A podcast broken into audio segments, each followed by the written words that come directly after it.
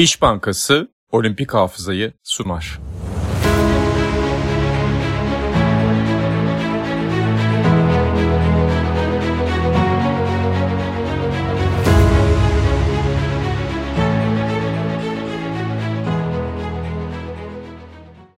Sokrates Podcast'e hoş geldiniz. Türkiye İş Bankası katkılarıyla hazırladığımız Olimpik Hafıza programının 6. bölümde sizlerle beraberiz. Ben Can Öner. E, bu bölümde e, Aras Yetiş'i ağırlayacağım. Aras hoş geldin. Hoş bulduk abi. E, çok teşekkür ederim davetin için. Ben teşekkür ederim katıldığın için. Olimpiyat tarihinden, senin hafızandan özellikle seçtiklerimizi bugün konuşacağız. seninle beraber hazırladığımız o hafıza seçkimiz var. Bir de tabii aktüel konulara da bir bakacağız. Aras sonuçta seni de hani tanıtmama gerek yok herhalde hani olimpiyat sporlarıyla e, alakan malum. E, zaten Eurosport'ta da olimpiyat e, oyunları anlatmış bir spikersin. Onun üzerinden de e, kendi kişisel spor tarihinden de tabii ki bazı seçkimiz oldu. Ben sana soracağım birkaç şey abi. E, şunu anlatmış mıydın, bunu anlatmış mıydın gibisinden. Çünkü konuşacağımız figürlerden kesin sen anlatmışındır çünkü. Ben denk gelemedim herhangi birine. o zaman başlıyorum. Bir güncel haberlere bakalım. E, çünkü e, sonuçta Paris 2024'de de e, günler ilerledikçe tabii Kasım ayındayız. E, az da kaldı. Sürekli bir kota haberi geliyor veya işte e, bunun için e, gitmeye çalışan sporcularımız var. Ve yarıştıkları spor içerisinde müsabakalarda işte en son geçen ay artistik gimnastikte önemli bir kota almıştık. E, yine atletizmde aldık derken bu ayda da yol bisikletinde bir kota geldi. Ee, bir kişiyle temsiliyet hakkı aldık. Son olimpiyat oyunlarında iki kişi gitme şansı bulmuştu. Önemli bir şey e, yol bisikletinde onu yakalamak. E, sonuçta temsiliyet de çok önemli. E, ayrıca bu e, tabii ki olimpiyatın en önemli e, unsurlarından bir tanesi de maraton herhalde. En e, sembol e, müsabakalarından bir tanesi. E, dünyanın önemli şehir maratonlarından biri İstanbul Maratonu da geride kaldı geçtiğimiz hafta. E, geçtiğimiz günlerde. Orada da e, Kenyalı Manuel Mukungo e, 45. İstanbul Maratonu'nu kazandı erkeklerde. Kadınlarda da e, yine bir Kenyalı Beatrice Chepto iki Kenyalı kazandılar. Yeni Bankası'nın e, desteğiyle e, bu sene İstanbul Maratonu düzenlendi katkılarıyla. Onu da hatırlatmış olalım ki e, artık e, dünyada gold kategorisinde çok yoğun katılımlı bir yarış. Ve pandeminin etkisiyle biraz maratonlar da etkilenmişti ama tekrar rayına oturmaya başladı. Ee, çok da güzel bir parkuru var. Kendine özgü bir parkuru var. Zor da bir parkuru var İstanbul Maratonu'nun. Ee, burada kazanmak e, çünkü yükselti farkı var. Belli e, tepeli bir şehir olduğu için İstanbul. E, belki rekor kırmak zor ama bir maraton atletinin özellikle gelişmesi için önemli yarışlardan bir tanesi diyelim. Ve son olarak da bir üçüncü haberimizde tabii Paris 2024'de gidiyoruz. Orada da bazı sporlar çıktı takvimden geride diye konuşmuştuk. E, işte breakdance daha önceki bölümlerde konuşmuştuk. E, farklı sporlar var. Her olimpiyatın kendine özgü bir spor seçme şansı oluyor. E, Los Angeles 2028'de de 5 yeni branş eklendi. Baseball, softball tabii şaşırtmadı değil mi Aras? Yani eklenmesi. Aynen öyle. Ee, tabii ki. E, kri- yani, kriket eklendi bu arada. Onu biraz şaşırdın mı? Hani e, Amerika Şehirlerindeki bir olimpiyat için. Hani Londra olsa okey diyebiliriz belki ama. Aynen öyle abi ama işte o kadar büyük kitlelerin oynadığı sporlar da bence bir yandan olimpiyatta yer almalı hakikaten yani kriket. Bize uzak olabilir e, konsept olarak. ABD'ye de uzak olabilir ama e, çok çok büyük nüfuslu ülkelerin ana sporlarından bir tanesi. E, dolayısıyla bence yani o temsiliyeti hak ediyorlar. Ben bilardoyu istiyorum e, bir noktada. E, olimpiyat oyunlarının bir parçası olsun diye. Benim de beklediğim spor o açıkçası. İleride olabilir belki. Biraz daha Olabilir. Yani oyun kategorisinde aslında hani değerlendirildiği de söyleniyor hep. Ama bilmiyorum ben bir noktada bilardoyu e, alabileceğini düşünüyorum olimpiyatın ama işte hani burada şu giriyor yani ne kadar insan e, takip edecek, ne kadar insan bunu izleyecek. Bir, bir ülke o hakkını bilardo için kullanacak mı? Orada şey de var tabii. E, kış sporlarında da, kış olimpiyat oyunlarında da yapıyorlar. 2-3 olimpiyat oyunu bir deniyorlar. Hani şey kategorisinde şov sporu gibi alıyorlar. İşte curling'i mesela öyleydi yıllar önce. Sonra Tenis de öyle başlamıştı. İlk Aynen. işte 88'de başlamadan önce bir önceki olimpiyatta 84 Los Angeles'ta e, test eventi olarak, test etkinliği olarak oynanıyor. Belki bilardo öyle bir şey yapılabilir. Yani e, bir bakılabilir e, ki olimpiyatta ilgi çekebilecek bir spor olabilir gerçekten. Farklı bir de snooker'dan snooker'dan farklı olarak belki bilardo daha farklı ülkelere temas ediyor olabilir. Snooker biraz daha Anglo-Sakson e, etkisi daha fazla ama Çin de var mesela orada. Hani çok popüler e, ülkeler artmaya başladı. Daha doğrusu popülaritesinin arttığı ülkeler farklı coğrafyalara yayılmaya başladı snooker diye de ekleyebiliriz. E, sen varken tabii... Ve her ülkenin bir bilardosu var. Sen varken tabii... Her ülkenin bir bilardosu var. Snooker örgüsü yapmadan olmazdı. E, lacrosse geldi. E, bizim de yıllarca Eurosport'ta aslında e, anlattığımız da bir spordu ilk dönemde özellikle. Amerika'da ve Kanada'da çok popüler lacrosse. E, ve squash geldi. O da yine e, Kuzey Amerika'da çok popüler olan sporlardan bir tanesi. O da eklenmiş. Squash. Evet. Hakikaten e, enteresan bir oyun abi. Bu arada boks askıya alındı orada. E, 2028'de olup olmayacağı belli değil. Herhalde bir bakılacak son. E, modern pentatlon tekrar girdi orada. Ki e, karate çıktı karate değil mi? çıktı. 2024'te de yok karate. Bakalım ne olacak onu gözlemleyeceğiz. Ki başarılı da olmuştuk karatede. O nedenle aslında keşke kalsaydı. Evet yani Türkiye için önemli bir madalya. Ee, yani uzak doğu dövüş sporları genel olarak öyle zaten. Ee, ama orada uzak doğu dövüş sanatları özellikle karate hakikaten olsaydı e, yine madalya anlamında e, etkili olabileceğimiz alanlar artacaktı. Peki istersen hafıza öykülerimize geçelim. Olur abi. Türkiye İş Bankası ile olimpiyat e, hafızasını yokluyoruz. Her bölümde minimum 3 öykü ya da 3 hikaye seçiyoruz konuklarımızla. Ve aslında 8 bölümle e, bitirdiğimizde bu program serisini e, ciddi bir liste oluşmuş olacak. Böyle bir 25 hikayelik diye. E, bu programda da Türkiye İş Bankası ile hafıza öykülerinde Aras'la 3 hikaye seçtik. 3 olimpiyat hatırası seçtik. İlkini ben Ainsley diyorum. Olimpiyat tarihinde tabii yelken sporu özellikle çok önemli bir yer tutuyor. Aslında Türkiye'de de önemli bir geleneği var. Ama böyle günlük spor sohbetlerinde çok geçmez. Hani en fazla belki bir Amerika Kupası e, böyle ara ara haberlere çıkıyor. E, halbuki belli ülkelerde çok popüler bir spor. E, ki onların başında herhalde zaten Büyük Britanya geliyor. Büyük Britanya spor tarihinin en büyük efsanelerinden biri Ben Ainsley diyeyim. Nasıl bir etkiyle bu hafıza öykülerine dahil ettik? İstersen sözü sana bırakayım Ben Ainsley. Abi şöyle dolu dolu bir hakikaten CV. Bakıldığında inanılmaz bir kariyer.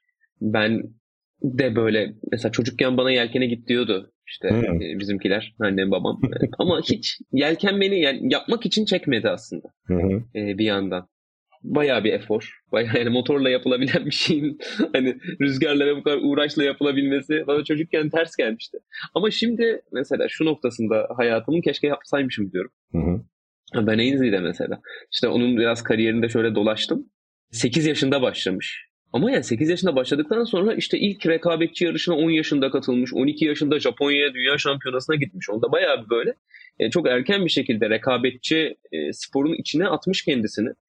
İlk etapta başka bir sınıfta yarışıyor. Yani lazer sınıfında yarışıyor. İlk olimpiyatında Atlanta'da 1996'da. E, sonra işte sonrasında Sydney'de de e, lazer sınıfında yarıştığını görüyoruz. Orada iki tane zaten e, ilk, ilk madalyalarını orada kazanıyor. Sonra Fin'e geçiyor. Fin sınıfına. Orada şöyle bir fark var. Yani yelkenin ağır sıkleti deniyor Fin sınıfına. Yapan sporcular e, bayağı böyle kalıplı, güçlü, fizikli. Bizim Alican Kaynar da var mesela temsilcimiz. O da mesela Ben Ainsley'den bahsetmişti yaptığımız sohbetlerde ne kadar büyük bir efsane olduğunda. Onu da Sokrates'e e, konuk etmiştik bu arada. Aynen. Sokrates dergiye röportaj olarak hatırlattığın üzere. Yani 95-100 kilo civarı sporcular yarışıyor. Hakikaten çok ciddi bir fiziksel efor. Ve bunu bize Alican anlatmıştı zamanında. Yani yelken sporunun Formula 1'i diyor. Çünkü geliştirilen teknolojiler, yeni icatlar, yapılabilecek yenilikler ilk filmde deneniyormuş. Sonrasında işte e, başka teknelere, başka yatlara aktarılıyor. Hakikaten yelkenin Formula 1'i e, fin sınıfı. Ben Ainsley de o sınıfın en büyük efsanesi. Gerçekten öyle yani. 4 olimpiyat altını var kariyerinde. İşte 11 dünya şampiyonluğu var. Farklı farklı kategorilerde kazandı. Zaten Sir ünvanlı bir sporcu. 2013'te yelken sporuna katkıları nedeniyle bu ünvanı alıyor. İstersen tam ismini okuyalım. Sir Charles Benedict Ansley. Böyle deyince e, daha etkili oluyor. 40, Çok 46 yaşındaki yaşayan efsane diyebiliriz yani yelken efsanesi çünkü. Sen anlattın mı abi hiç? Yok yani 2008'de 2012'de yelken anlattığımı hatırlıyorum ama fin sınıfında ben Ensley'i anlattım hatırlamıyorum. Hafızamı yoklamam lazım. Yani ama yani şampiyonluğu ben anlatmadım. Onu hatırlıyorum. E, ki yani sen de söyledin işte 2000 Sydney'de e, lazer sınıfında alıyor. Sonra daha zor bir sınıfa geçiyor. Bunlar hep bireysel yarışılan bu arada e, tekne sınıfları. Bir de sonuçta hani çiftlerde de yarışılan var. İşte ikili e, Türkiye'de temsil edilmişti e, geçtiğimiz olimpiyat oyunlarında. E, işte Deniz Çınar, Ateş Çınar, yine Okyanus Arıkan e, ikililerde yarışmıştı. E, sonra da filmde 3 üst üste olimpiyat altın. Hani gerçekten çok zor bir iş başarıyor ki 96 Atlanta'da da la, la, e, lazerde yine gümüş alıyor. Yani 5 e, gümüşü var. Sayısız dünya şampiyonluğu var. Saymaya gerek yok. Burada bir de abi hani bıraktıktan sonra da Amerikas Cup'ta yarışmaya başlıyor zaten. Yani 2005'ten itibaren aslında yarışıyor parça parça. E, ama mesela 2013 senesindeki America's Cup'ta e, Team Oracle'la beraber acayip bir final yarışları var. Yani şöyle orada 8-1 geriden gelip 9-8 kazanıyorlar. Spor tarihindeki en büyük geri dönüşlerden bir tanesi. E, o takımın da evet. taktisyenlerinden bir tanesi Ben Ainsley. Şu anda da mesela Ineos takımının e, skipper'ı aynı zamanda e, CEO'suymuş takımın. Yani aktif bir şekilde de rekabetçi yelken yapmayı sürdürüyor Ben Ainsley. Kazanmayı da sürdürüyor kariyerinin artık ilerleyen noktaları diyelim ama tecrübesiyle beraber çok uzun yıllar herhalde denizlerde görmeye devam edeceğiz. Ki yani yelkenin de böyle bir şeyi var. E, yıllar geçtikçe hani böyle ömrü tükenmiyor ama bir sınıf değiştiriyorsun. O enteresan bana spor olarak farklı geliyor mesela o açıdan. E, böyle çok uzun ömürlü hani bir veteran gibi de değil. Gerçekten 40'lı yaşlarında gayet aktif. Hani veteranlar sınıfı gibi bir şeyde de değil. Bayağı bildiğin Amerika Kupası çok ciddi bir. Yani rolün değişiyor evet, işte. Rolün değişiyor. Teknede. Yani farklı bir görev yapıyorsun. Evet. İşte e, daha az fiziksel bir noktaya gidebiliyorsun. Mesela işte skipper, kaptan olduğun zaman takımın lideri oluyorsun. Dümeni tutuyorsun. Ve aslında biraz daha ekibi koordine etmek Hı-hı. yani. İşte Sokrates'teki Canerlerin rolü. Güzel. Dümende. evet burada da Aras Yetiş sağ olsun yine e, bizi yüzümüzü kızarttı. Teşekkür ediyoruz sağ olsun kendisine. Görmüyorsunuz ben görüyorum. Podcast'in avantajları. yani şimdi şeyi de söyleyelim tabii ki. Yani mesela bir yelken sporunu herhalde yapabilmek için e, yetiştiğin yer çok önemli. İşte sen de söylüyorsun. Beni annemler ya da babamlar göndermeye çalıştı. Muhtemelen hani aslında İstanbul'da böyle imkanlar var. Sen İstanbul'da evet, büyüdüğün evet. için söylüyorum. Çünkü işte Hani biz de daha Kadıköy'de oturuyoruz. Burada yelken kulüpleri var. İşte ben bazen e, deniz kenarına gittiğimde görüyorum. Optimist çocuklar böyle 8-9 yaşında küçük teknelerle açılıyorlar. Aslında çok güzel imkanlar var. Yani imkan dediğim e, üç tarafı denizle çevrili meselesi aslında yüzücüler için değil yelkenciler için konuşulması gereken bir şey. Olduğunu hatırlatmakta yarar var herhalde. Biraz daha işte bunun için e, süreklilik olabilmesi için o, o çocukların, gençlerin gelecekte bu sporu yaparken hani belli desteklere ihtiyaç oluyor. İşte sen Alican Kaynarlı'nın o yüzden bu sözü açtım. Oradan belki bir şeyler anlatabiliriz ki hani Ben Ainsley'nin başarısı aslında Türkiye'de neden o, olabilir de açıklayabiliriz belki ilerisi için. Kesinlikle. Yani zaten imkan konusunda hiçbir sıkıntımız yok. Ki Saudun Boro gibi bir efsanenin sözlü tarihini de yaptın sen. Aynen. Yani Türkiye'nin deniz kültürü, denizcilik kültürü de çok geniş. O açıdan da belki. Şöyle mesela şundan da orada biraz bahsedebiliriz aslında. Yani imkanlar e, bizde sonsuza yakın hakikaten deniz bakımından bakıldığında. Ve aslında şartların çok değişken olduğu da bir spor. Yani nerede yapılırsa mesela işte Paris'te, işte Fransa'da tabii ki e, Paris'te yapmak herhalde mümkün olmayacak. E, deniz kıyısı bir yere taşıyacaklar. Evet. Hı hı. E, yarışları. Dolayısıyla işte mesela Portekiz'de yapıldığında acayip fırtınalı oluyormuş. İşte e, Akdeniz'de yarışıldığında daha nispeten sakin sularda çok daha farklı oluyormuş. Yani bir de öyle bir zorluk bekliyor sporcuları. E, bizim ülkemizde o farklı farklı deniz şartlarını ve deniz imkanlarını da e, bulmak mümkün. Yani fin sporunda ve yelken sporunun aslında tüm sınıflarında. O anlamda şanslıyız. E, umarız tabii şu anda öncü sporculardan bahsediyoruz. Alican onlardan bir tanesi sadece. Sen demin birçok değerli sporcudan bahsettin. Umarız bir noktada madalya sahibi bir ülke olur Türkiye ki 13. olmuştu Alican sanıyorum. Evet çok iyi çıkarmıştı geçen olimpiyat oyununa Tokyo'da. Çok iyi bir derece. Hani 24 sporcu yarışıyor zaten. Dünyanın evet. en iyi yelkencileri yarışıyor. Onların arasında 13. sırayı almak kotayı almak bir iş. Ki biz Ecem'le de röportaj yapmıştık hatırlıyorsun. Lazer sınıfında gitmişti Ecem Güzel. E, o da çok önemli. Yani oralarda gitmek de çok önemli. Çok çok kolay bir şey değil dediğim. Aynen öyle abi. Umarız devamı gelir. Evet burada e, ilk öyküde Ben Ainsley'e değindik. Tabii hani yelkende biraz aslında yelken sporuna da temas etmek için de güzel oldu. Hani fin sınıfı nedir, lazer sınıfı nedir, işte teknenin ağırlığı, büyüklüğü. Yani ben Ainsley yarışta bütün sınıfları domine etmiş bir sporcu. Tarihin en büyük yelkencilerinden biri olduğunu hatırlatalım tekrar. Ki abi ondan sonra da onu da söyleyeyim. Son iki olimpiyat madalyasını yine bir Britanyalı. Jill Scott kazanıyor. Hı hı. E, Britanya'nın oradaki dominasyonu da devam ediyor. Yani Finn sınıfını adeta sürklase ediyorlar. Evet. Ee, ben Ainsley'nin de bu arada hani yetişme koşulları dedik. Ee, İngiltere'nin güneybatısında o rüzgarlı yelkenin en e, yoğun yapıldığı yerlerden birinde büyüdüğünü hatırlatalım. Yani büyüdüğünüz yer e, nasıl bir sporcu olduğunuz ya da hangi sporu seçtiğinizi etkileyebiliyor elbette ki imkanlar orada. Şüphesiz. Mesela sen şey dedin, e, Paris Olimpiyat oyunlarında bu arada Marsilya e, marinasında yapılacak e, hmm. yelken yarışları. Tabii bir şehirde yapılıyor gibi gözüküyor olimpiyat oyunları ama belli sporların yapılması için belli e, koşullar gerekiyor, şartlar gerekiyor. O açıdan da Marsilya'nın Paris'e destek atması da enteresan olacak. Evet. Akdeniz'in ılık sularında yani. Aynen tabii ki. Ya, okyanusta yapmaları kolay olmayacaktır diye tahmin ediyorum. Akdeniz daha uygun olma ihtimali evet. yüksek. Hani düşünsene Normandiya kıyılarında yapmaya çalışıyorsun. Oranın rüzgarı e, etkileyebilir. Şimdi o zaman ikinci öykümüze geçelim seninle. Biraz da tenis diyelim. E, senin bu deyiminle. Tenis.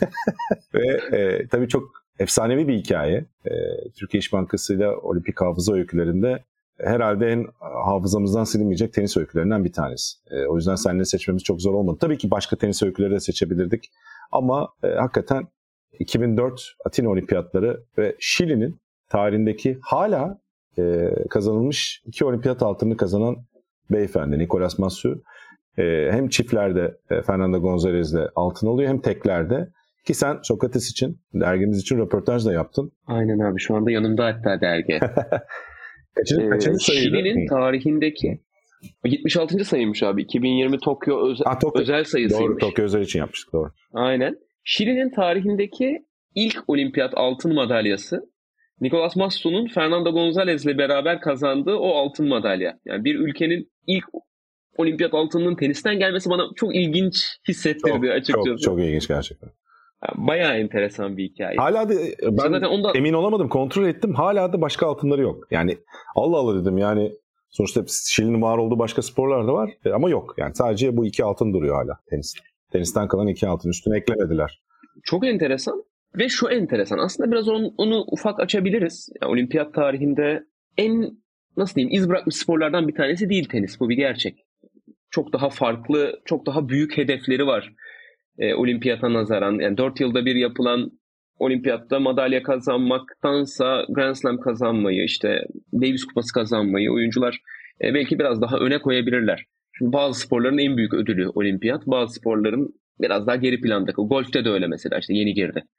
İşte Masters kazanmak hala bir olimpiyat kazanmaktan çok daha değerli bakıldığında. Ama işte teniste yani tenis madalyaları bir eksik parça oluyor çok büyük kariyerlerde işte Djokovic'in altını yok mesela Novak Djokovic. Roger Federer altın madalya kazanamadan kariyerini sonlandırdı. E, bence daha da özeli çok güzel hikayelerin çıkması. E, alakasız sporcuların hiç oralarda olmasını, kazanmasını beklemeyeceğin sporcuların kazandığı olimpiyat şampiyonlukları var. İşte Monica Puig 2016 Rio. Onlardan yine e, bir tanesi. Yani Masum'un da şöyle söyleyeyim. İşte o dönem e, Roger Federer 2004'te zaten dünyanın en iyi tenisçisi. Andy Roddick var, Carlos Moya var, e, Marat Safin var. Yani birçok iyi oyuncu. İşte Rafael Nadal yeni yeni çıkış yapıyor ama olimpiyatta yarışmıyor Rafael Nadal. Federer en büyük favori. Hiçbir zaman kazanamayacağı olimpiyat e, altını yani teklerde kazanamayacağı, çiftlerde Wawrinka ile kazandılar gerçi ama ilk denemesini yapıyor Federer. 2000 Sydney'den sonra ikinci denemesini yapıyor pardon abi. Ama işte Massu bir anda turnuvanın hikayesi oluyor. Yani çok enteresan. İşte 3-0'lık bir Gustavo Kuerten maçıyla başlıyor turnuvaya. Çok formda geldiği bir olimpiyat. Bir hafta önce Kitzbühel'de turnuva kazanıyor. Zaten ya hayatımın tenisini oynuyordum o ara demişti yaptığımız e, röportajda da. Ama kendisi de çok şaşırmış. Yani zaten hala böyle şaşkın şaşkın anlatıyordu. Ya ben nasıl olimpiyat şampiyonu oldum der gibisinden.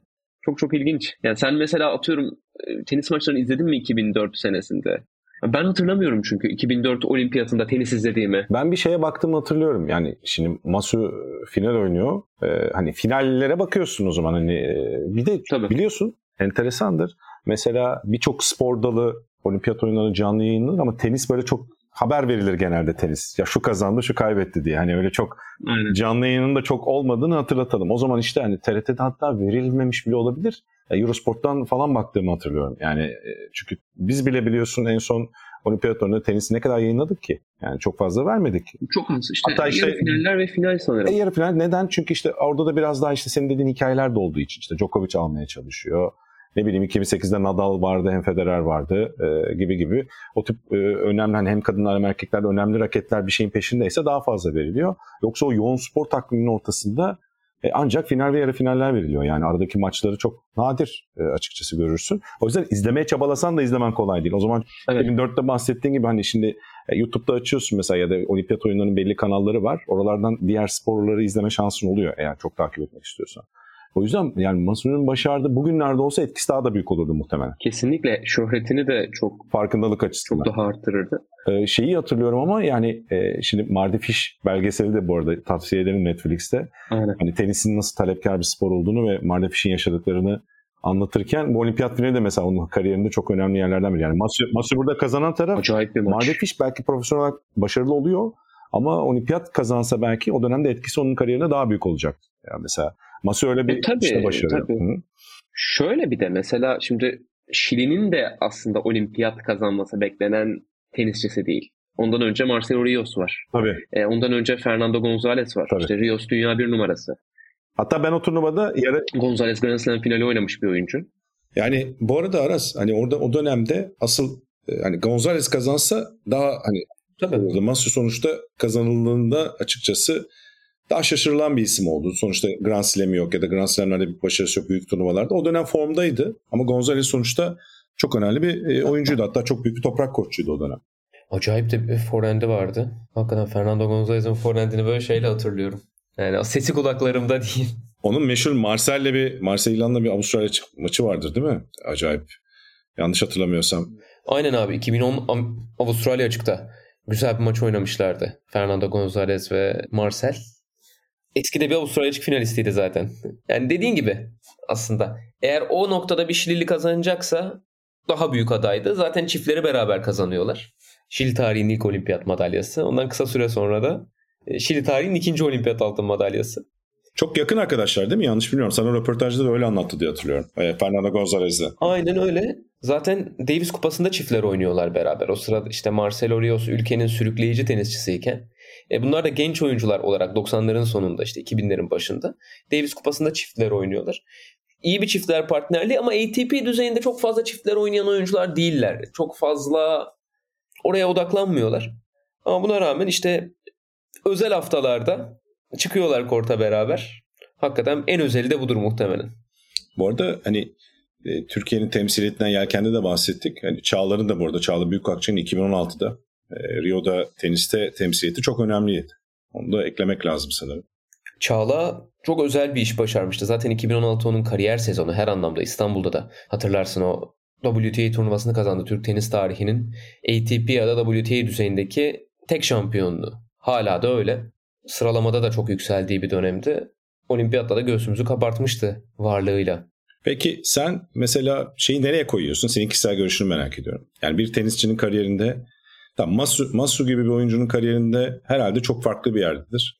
ama bu son dönemde Djokovic'in biraz başta da bahsettin ama onu açalım istiyorum. Aslında Masu'nun kazandığı yıllarda da önemliydi ama belki herhalde şu dönemde bir e, kariyerinde daha da önemli bir yere koyuyordur diye düşünüyorum. Çünkü o profesyonellik amatörlük geçişinde kavramında olimpiyat oyunları belli sporların e, çok büyük paralar kazanılan belli sporlarda daha az hedeflenen bir e, madalya diyebiliriz ama herhalde son dönemde sanırım o eski e, tırnak için söylüyorum amatör ruh daha fazla devreye giriyor. Ben şöyle düşünüyorum abi. Çok önemli kariyerlerin e, bir eksik parçası olarak bakıyoruz olimpiyata. İşte Federer'i, Nadal'ı ve Djokovic'i konuştuğumuzda işte Nadal'ın var olimpiyat altını. O büyük üçlüden tekler olimpiyat altını olan 2008 Beijing'den Rafael Nadal. Ben mesela X bir oyuncu için öyle bir kariyer seti tamamlamak iddiası olmayan bir oyuncu için olimpiyat altının e, çok güzel bir nasıl diyeyim yani güzel bir şampiyonluk, keyifli bir şampiyonluk ama hala bir Grand Slam ayarında veya işte bir nasıl diyeyim işte ATP tur finallerini katılıp kazanma ayarında bir şampiyonluk mu ondan emin değilim. Gerçi olimpiyat kazananlar, o hissi yaşayanlar daha farklı bahsediyorlar. Hı hı. Hı. Mesela işte Zverev kazandı son olarak Tokyo'da. Bir Grand Slam kazanmış kadar özel bir şampiyonluk olduğunu söylüyor. Gerçi Grand Slam kazanmadığı için hani kıyaslama şansı çok fazla yok Zverev'in. Doğru ama mesela Andy Murray Federer finali çok acayipti. Yani bir de o tabii 2012 Londra e, o mesela inanılmazdı. Yani bir Grand Slam şeyi gibiydi havasındaydı. Wimbledon'da oynanmasının da etkisi var belki. O zaman bir de 5 set oynanıyordu abi. Şimdi evet. artık 5 set oynanmıyor. 3 set üzerinden evet. oynanıyor. Federer'in kariyerinde kaybettiği en büyük maçlardan biridir bence. Çünkü evet. alacaktı oradan altınını da yazacaktı bir kenara. Sonra işte Davis Kupası'nda mesela Federer'in iki eksiği vardı. Davis Kupası da eksikti bir noktaya kadar. 2014 ya da 2015'te Hı-hı. onu kazanmayı başardı. Ama işte Murray ondan çaldı o altını ki Andy Murray'nin iki olimpiyat altını var teklerde. Bunu başaran tek isim evet. olduğunu söyleyelim. Onun da mesela her büyük oyuncunun bir kendine has damgasını bıraktığı yer oluyor sporda. Andy Murray'nin de aslında olimpik tenis bence o damgasını bıraktığı yer. Çünkü iki altın çok çok özel. Yani arka arkaya Londra'da ve Rio'da kazandığı altın madalyalar. Ve mesela 3 Grand Slam şampiyonu Stan Wawrinka ile 3 Grand Slam şampiyonu Andy Murray'i aynı kefeye koymamamızın nedenlerinden biri bu. Andy Murray çok daha büyük bir oyuncuydu Wawrinka'dan. Doğru. Ee, o farkı yaratan aslında benzer sınıfta gibi gözüken oyuncular arasındaki o farkı yaratan şeylerden bir tanesi o iki olimpiyat altını. Doğru, doğru.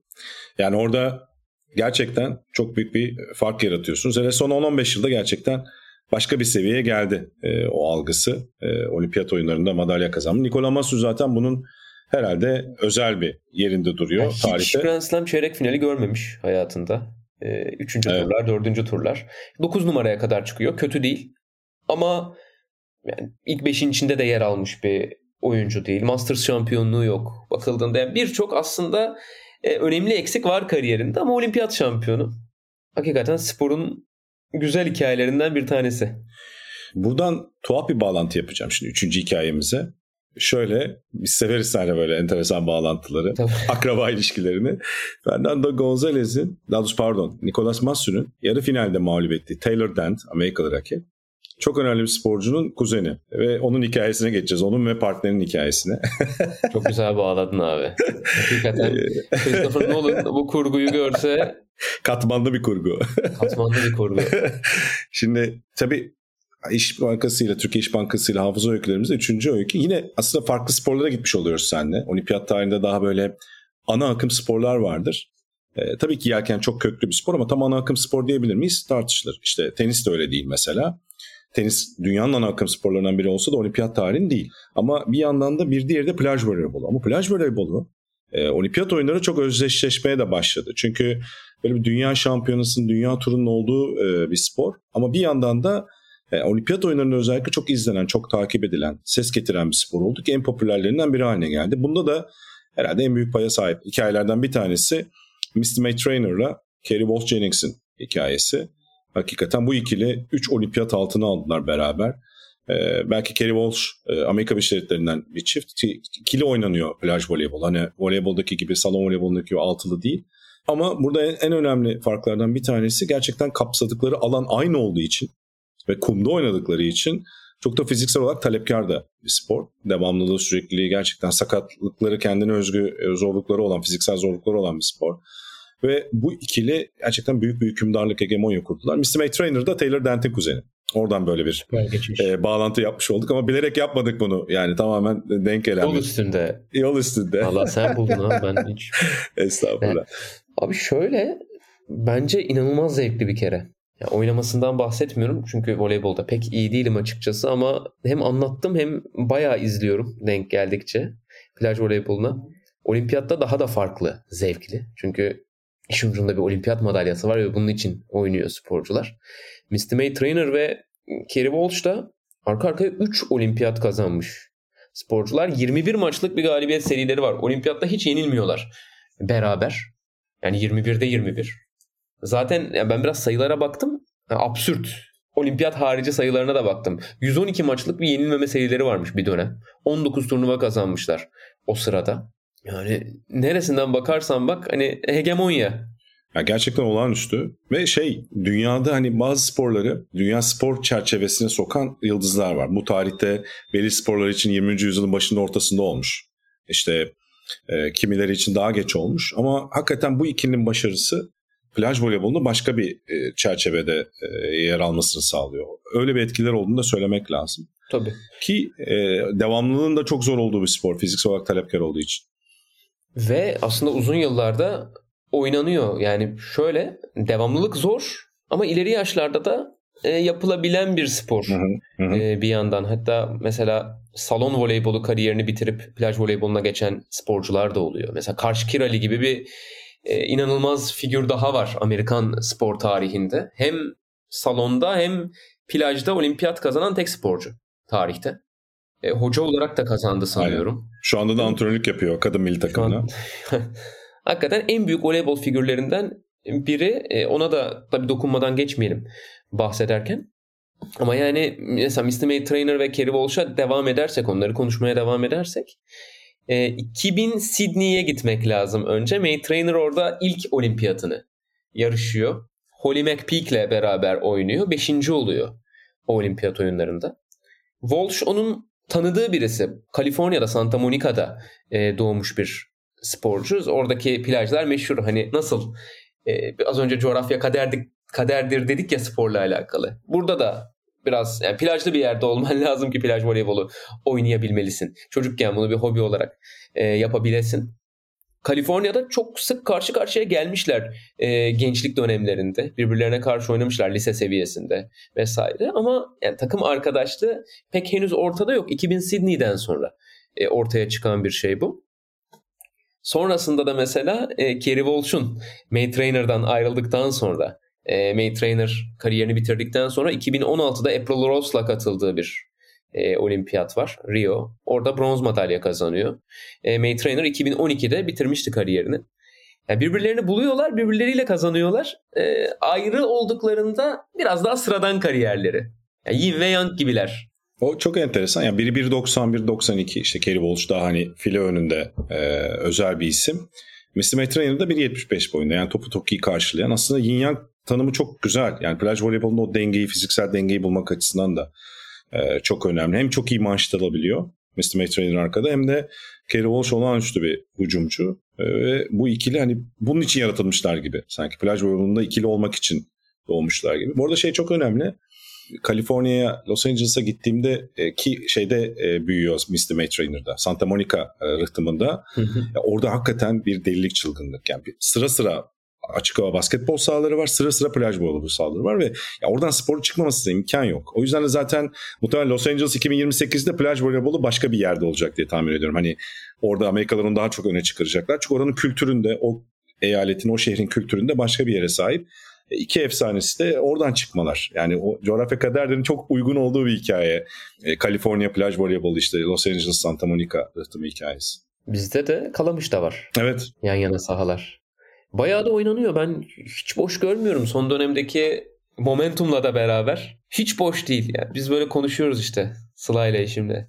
E, bir ara oynayalım falan diye. Ama e, boş görsek Ama yazlıkta falan ya da böyle ta- şeye gidildiğinde plaj voleybol oynanır ya e, biliyorsun hani böyle bir hadi bir maç yapalım diye. Onun öyle bir rahatlığı da var plaj voleybol. aynen. Bize biliyorsun futbolcularımız da şey kampa falan şeye giderler. Tatile hemen oynarlar. Plaj voleybol turnuvası çıkar oradan.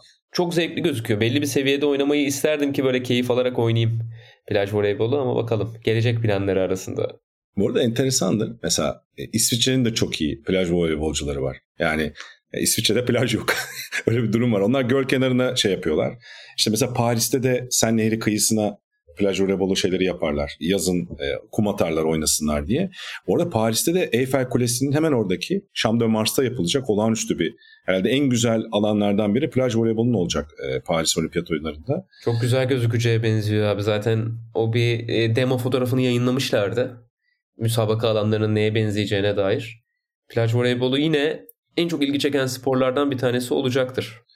E, bu arada şey notunu da verelim. Kerry Walsh ve Mr. Way'le son not verip vermek gerekirse.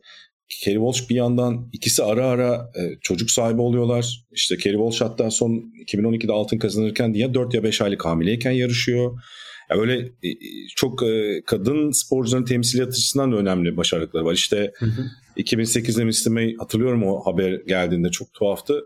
Olimpiyattan bir sene önce şeyi e, çapraz bağını koparmıştı. Bir sene sonra pardon. Hani 2012'ye tekrar geri dönmüştü. Çapraz bağını kopardı. Çapraz değil pardon. Aşil tendonu kopardı. Müsabakada bir dans yarışması. Yani o çok enteresan. Dancing with the Stars ki Türkiye'de de bir ara yapılmıştı değil mi? E, Ünlüler Evet evet yapıldı tabii. partner seçip işte Benimle dans eder misin miydi? Ha, öyle bir şey. öyle bir şey. lazım. Onda sakatlanıyor. Düşünsene bir olimpik sporcusun ona katılıyorsun bir şova. Bir de partnerin var. Yani sadece kendinden de mesul değilsin. Evet. O da bir ekstra sorumluluk. Ama toparlanmakla kalmayıp bir de şampiyon oluyorlar üstüne.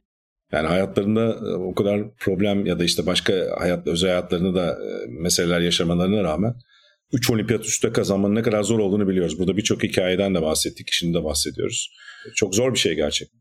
Ve 2012'de son altınlarında favori değiller. En ön plana çıkan ikili değiller. Mesela Larissa Franca ve Juliana Silva e, Brezilyalı ikili.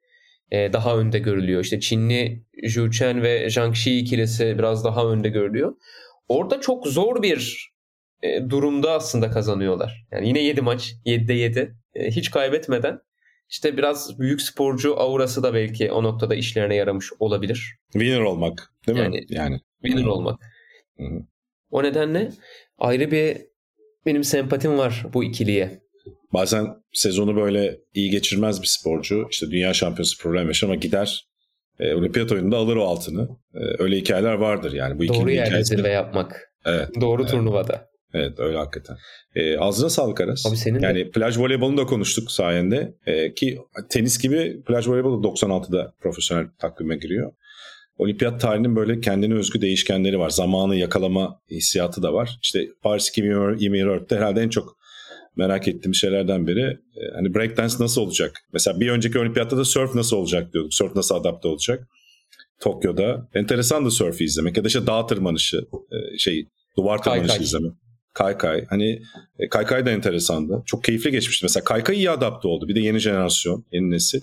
Orada da ama şu talihsizlik oluyor abi. Kaykay'ın çok büyük efsaneleri mesela Tony Hawk işte Ya evet. gelmiş geçmiş en büyük figürü. E, olimpiyat onu pas geçiyor. Hiçbir zaman mesela olimpiyat şampiyonu olmayacak, olamayacak. Evet. O kriter onun için yani mesela X Games e, en büyük organizasyonu Kaykay'ın sayısız kez kazanmış ama yeni sporcular arasında e, artık senin olimpiyat altının var mı, olimpiyat şampiyonluğun var mı konuşulmaya başlanacak. Tony Hawk da uzaktan bakacak buna. Güzel. O o zamanın e, işte farklı bir etkisi var yani. Aynen. Zamanın acımasızlığı mı desem? Hakikaten öyle. Ben ne diyorum 2000'lerde e, sosyal medyada internet olsa bizim de şey olurdu. Farklı olurdu belki başka sporcuların hikayesi diye. tabii tabii. E, etkisi. Tam tersi de olabiliyor bu arada. E, onun artısı eksisi farklı tabii ki. Ama Tony Hawk'ın e, herhalde tek üzüleceği şey olabilir hayatta yani. Keşke bizim zamanımızda da olsaydı. o zaman ağzına sağlık diliyorum. Senin de Yani- abi. Çok keyifliydi. Benim için de aynı şekilde. Olimpik Hafıza'da bir bölümün daha sonuna geliyoruz. Türkiye İş Bankası katkılarıyla hazırladığımız Olimpik Hafıza'da 6. bölümde Anas Yetiş'i konuk ettik. Farklı hikayeler, farklı sporlardan farklı öyküler konuştuk. Tekrar teşekkür ediyorum kendisine. Ee, yine bir başka e, bölümde görüşmek üzere Olimpik Hafıza'da. Kendinize iyi bakın.